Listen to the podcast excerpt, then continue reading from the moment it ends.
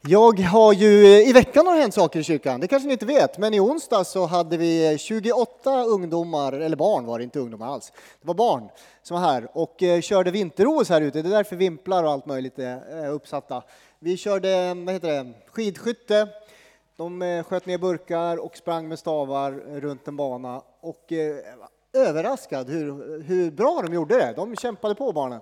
Och sen var det backhoppning här, man åkte ner för backen där och flög ett hopp och sen var det curling inne i sporthallen. Det gick jättebra att spela curling där inne. Och sen var det så fint, harmoniskt, alla barn var så nöjda och glada. Så käkade vi massa panpizza, gjorde vi.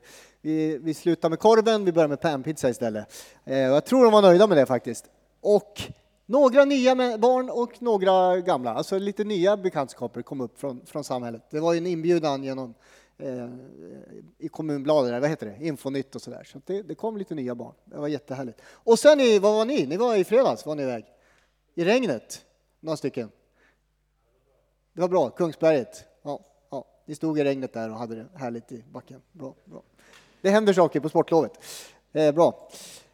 Så här är det att eh, jag är glad att vara här idag och vi ska läsa alldeles strax från ett ord. Och ja, vi är ju i fastetiden, det har ni förstått. Um, den varit för hög den här faktiskt. Jag måste ha den lite lägre. Så. Vi är i fastetiden och eh, jag ska läsa en text om fastan. Det är den andra söndagen i fastan som eh, Lasse sa. Den kämpande tron handlar om. Eh, och fastan är, inte bara en 40, det är liksom inte bara en period av 40 dagar innan, innan påsk. När jag käkar semlor, vi går in i askonsdagen och sen eh, fastan fastar ni sex dagar i veckan och så går man på gudstjänst på söndagen. Det är så fastetiden är uppbyggd. Eh, och så är det, inte, det är inte bara det det handlar om, det här är en viktig praktik i kyrkans liv, ska jag säga. Historiskt och i vissa perioder helt ignorerad och bortglömd. Har du aldrig hört en predikan om fasta så kanske det blir helt nytt för dig. Men Eh, jag eh, är ingen expert på fasta. Jag liksom läser böcker om fasta och jag fastar ibland, men jag är ingen expert. Jag älskar eh, mat.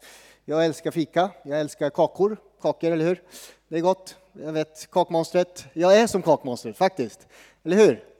Eller hur, Isadora? Jag är som kakmonstret. Kommer du ihåg?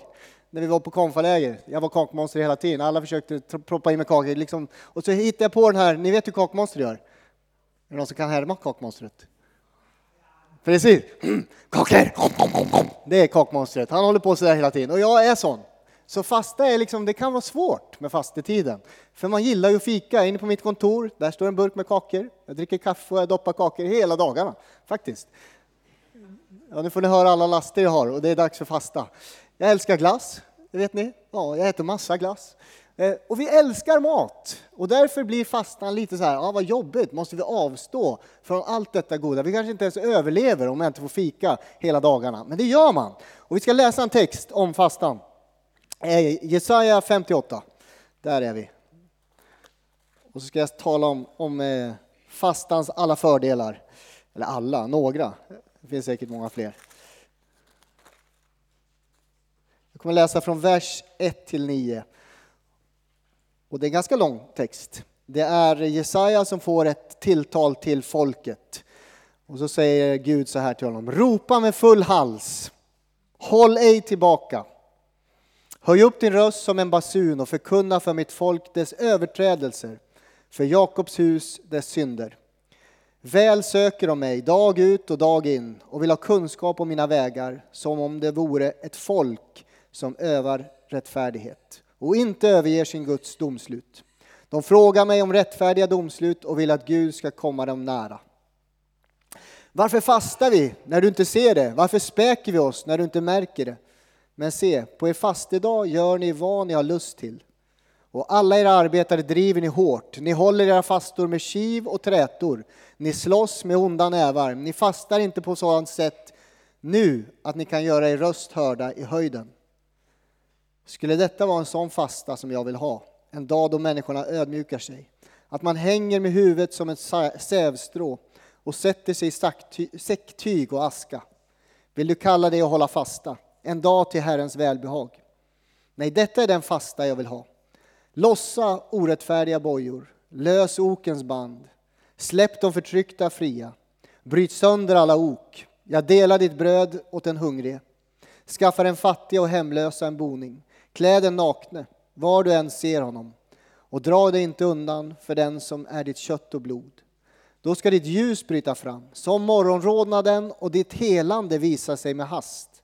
Din rättfärdighet ska gå framför dig och Herrens härlighet följa i dina spår. Då ska Herren svara när du åkallar honom, när du ropar ska han säga, se, här är jag. Jag stannar där.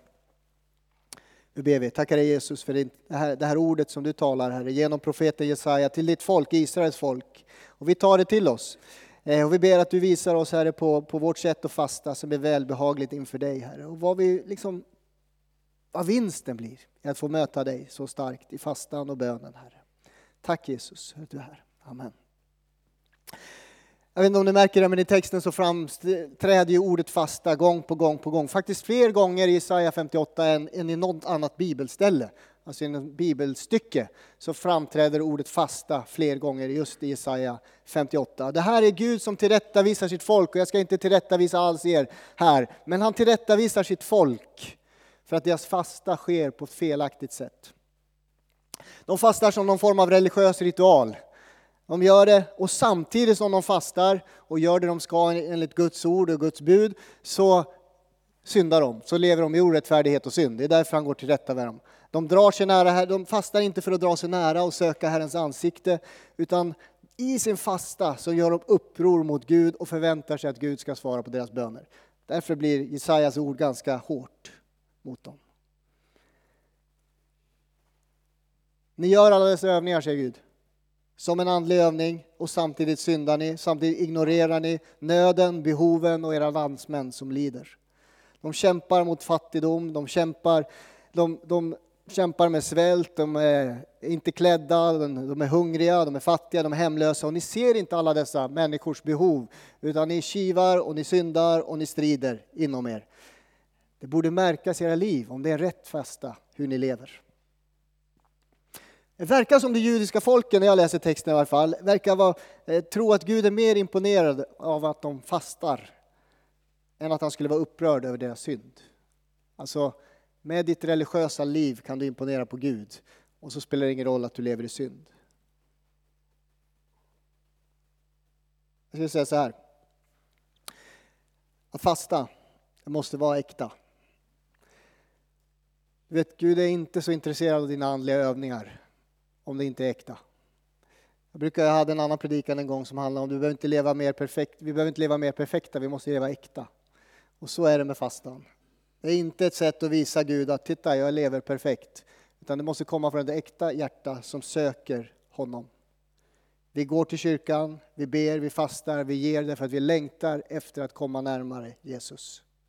Inte för att imponera på Gud, inte för att imponera på mig, inte för att imponera på någon annan, utan det är för att jag vill komma närmare Gud, som jag lever i fasta och bön. Vad händer i texten? Jag skulle säga att Gud vill ge folket ett rätt syn på fastan. I Bibeln så ser vi olika sorters fasta. Jag vet inte hur många man kan räkna upp, men man fastar på olika sätt. Man fastar delvis, man fastar helt, man fastar för hela nationen, man fastar i olika kriser.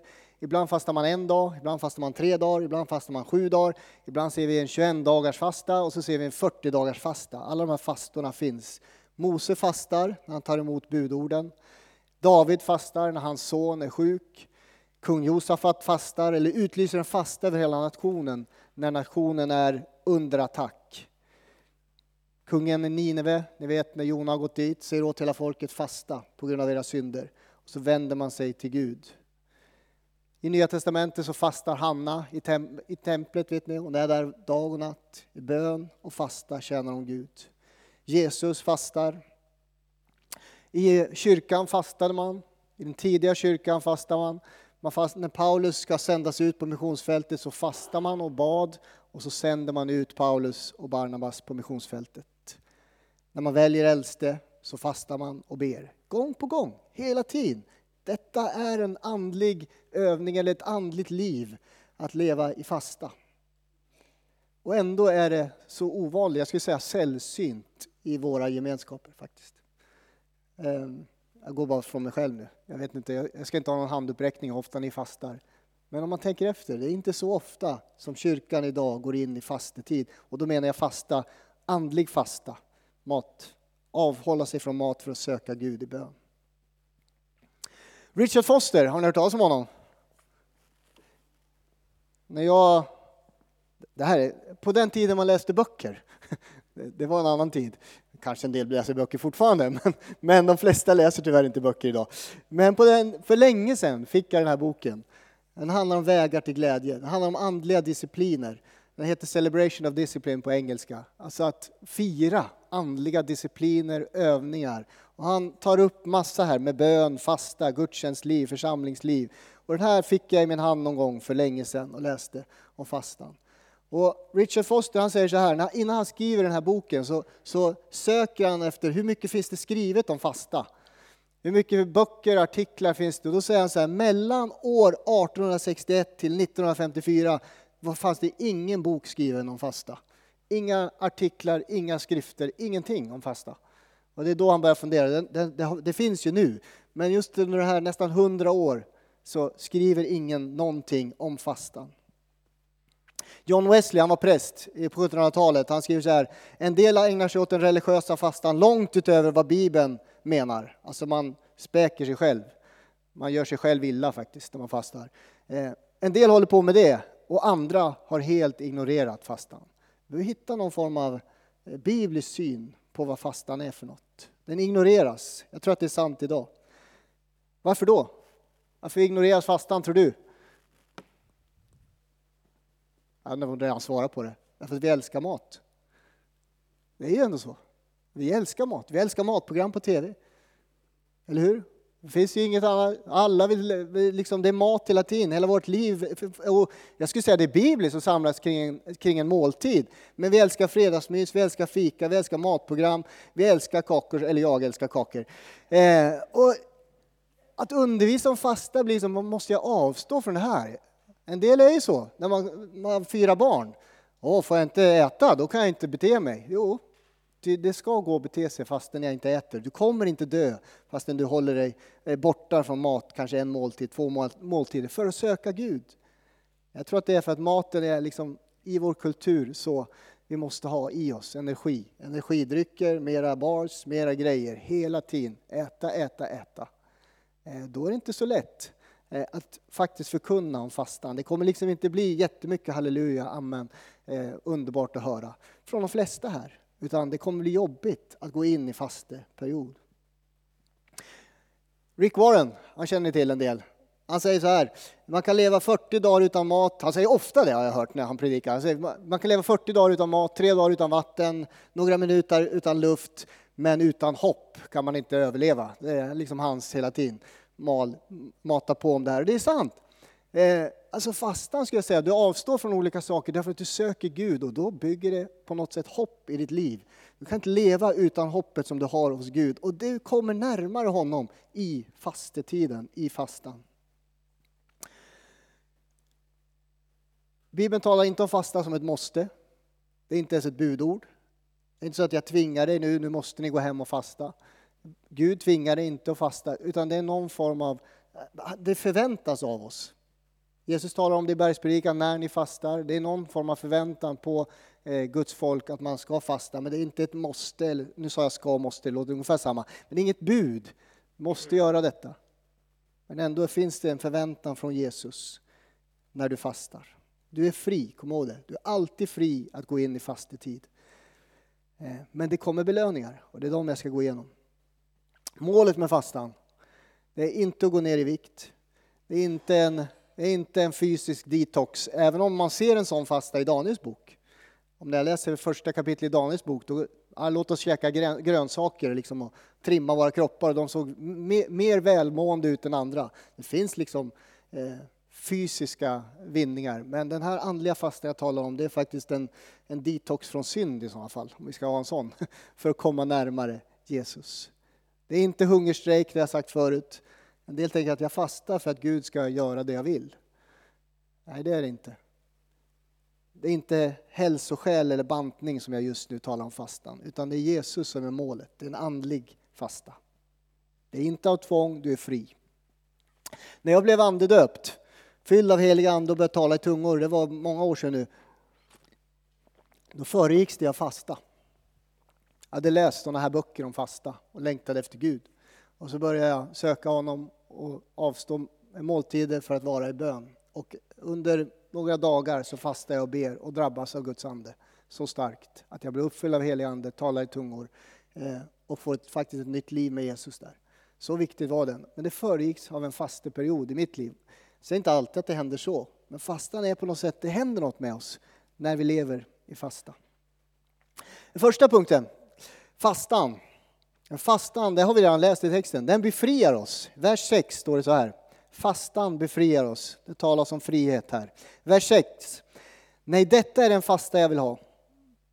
Lossa orättfärdiga bojor, lös okens band, släpp de förtryckta fria, bryt sönder alla ok.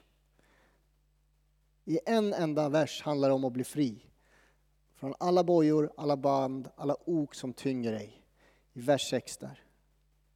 Det är ett sätt att bli fri, att fasta. Orättfärdiga bojor ska lösas, de förtryckta ska befrias. Oketyngden som ligger över våra liv ska brytas när vi går in i fastetid och avstår från föda faktiskt för att söka Herrens ansikte. Och så bryts saker över ditt liv. Jag vill säga att det finns, den största belöningen är faktiskt frihet. Frihet att, att tillbe, frihet att tjäna honom, frihet att vara inför honom. Att vara i fastetid är att någonting bryts som har tyngt dig så länge osynliga kedjor som har hållit dig bunden kan brytas i fastetid. För att du avstår för att vara med honom. Det kan vara beteenden, kan vara ovanor, kan vara synd. Det finns saker som behöver brytas för att du ska bli löst. Jag vet inte vad du har i ditt liv. Jag har saker som jag kommer på mig själv med när jag lever i mitt vanliga andaktsliv. Oj, jag har fastnat i det här, jag är bunden i det här, jag behöver bli löst. Fastan kan vara ett sätt där du behöver gå in i att ta tid i fasta för att bli fri. Fastan befriar oss, enligt vers 6. Det andra, fastan helar oss. Vers 8. Då ska ditt ljus bryta fram som morgonrodnaden och ditt helande visa sig med hast. Då ska ditt ljus bryta fram som morgonrodnaden och ditt helande visa sig med hast. Det helande det talas om här, det är när du vänder dig i fasta och bön till Gud så ska den smärta som har drabbat nationen, handlar det om, just i det här textstället. Den smärta och den, den plåga som har drabbat Israel ska lyftas av och vika med hast. Det verkar handla om ett helande för landet i texten. Men jag tror att det handlar om ett helande för dig och mig också. Att eh, du har en kamp i ditt liv, du har smärta i din kropp, i din själ, i din ande. Och jag tror att det finns helande i att gå in i fastetid. Ta tid med Gud. Såklart landet, men också att förstå att Herren är min läkare. Herren är min läkare. Han helar oss fysiskt, han helar oss själsligt, han helar oss andligt. Vissa av er behöver ett helande just nu. Just nu behöver ni att Gud griper in och helar er. Jag tror att fastan faktiskt är en väg in i detta helande. Sök Gud i fasta. När Jesus är på förklaringsberget, ni vet på berget där han förvandlas, så är han där med Petrus, Johannes och Jakob och så träffar de andra lärjungarna en man som kommer med en sjuk son, ett sjukt barn. Och så ber han dem att be för barnet så att han blir fri, men de lyckas inte. Och så kommer Jesus ner från berget och så talar han med, med, med den här mannen och mannen säger ja, de här lärjungarna de lyckas inte befria min son. Kan du göra det? Och så säger han, och i vissa översättningar står det detta kan endast befrias med, eller botas med bön och fasta. Vissa bibelöversättningar har de orden med. Han talar om fastan som ett sätt att uppleva helande. Fastan befriar oss, fastan helar oss. Jag skulle säga fastan det tredje, och jag går ut bort ifrån texten nu, men fastan den stärker vår ande. Gör oss starka i vår ande, i vår gudsrelation. Det bästa exemplet ska jag säga är när Jesus spenderar 40 dagar eh, i Judeens öken. Ni vet han är där i Lukas fjärde kapitlet. och så står det så blir han hungrig och så kommer Satan. Nej, vi läser texten förresten. Lukas 4. Vi slår upp den, ser vad som händer. Lukas 4. Den finns också i Matteus 4, men vi tar Lukas idag.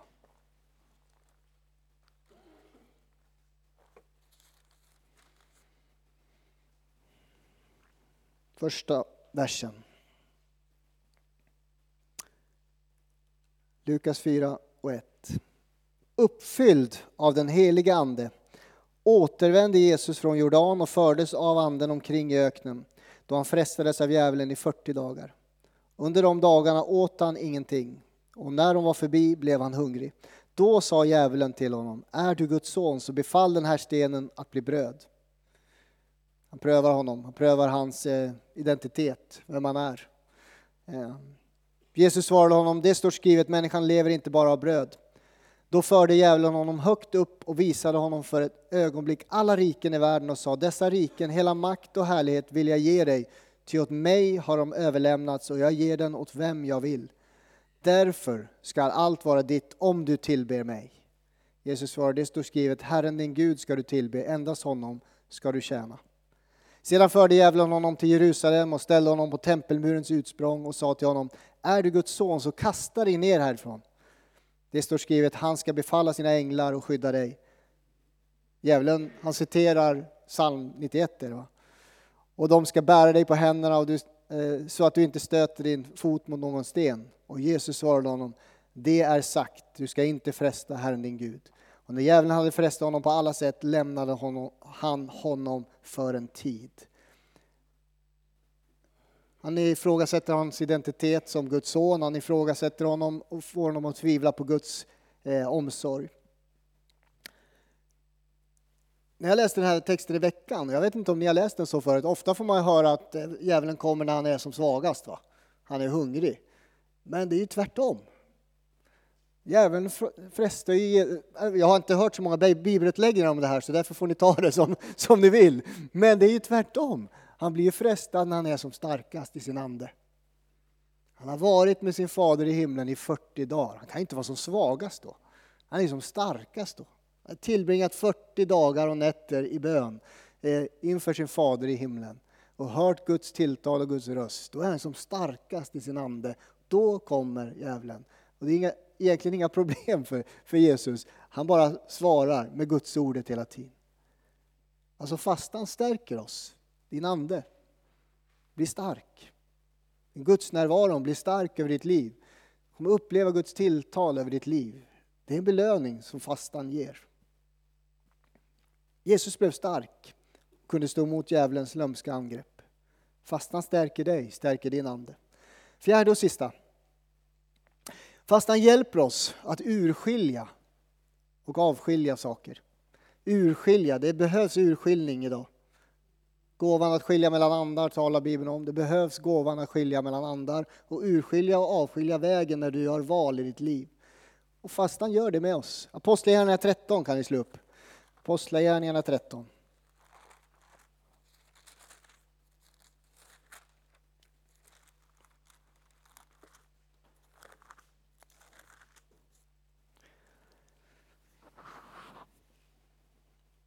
Vers 1. står det så här. I församlingen i Antiochia fanns det profeter och lärare. Barnabas, Simeon som kallades Niger, Lucius från Kyrene, Manaen, ja, ja, det står så, fosterbror till landsfursten Herodes samt Saulus. När de tjänade Herren och fastade sa den helige Ande Avskilj åt mig Barnabas och Saulus för den uppgift som jag har kallat dem till. Då fastade de och bad och la händerna på dem och sände ut dem. Det är Saulus, eh, Paulus första missionsresa. Så fastan hjälper dig och mig att urskilja och avskilja. De första missionärerna sänds ut på grund av att de har fastat och bett och urskilt. Det här är de som ska sändas. De tjänade, står det, och fastade. De bad och de fastade och så talade helig ande. Den här urskiljningen, den här visdomen, den här kunskapen om vem som skulle sändas, den kom därför att de söker Herren i fasta och bön. Det finns så mycket vi behöver av vishet just nu. Vi behöver urskiljning, vad är Guds vilja, vad är Guds väg? Eh, vi behöver ständigt urskiljning för att kunna ta beslut. Jag funderar, vad behöver du just nu?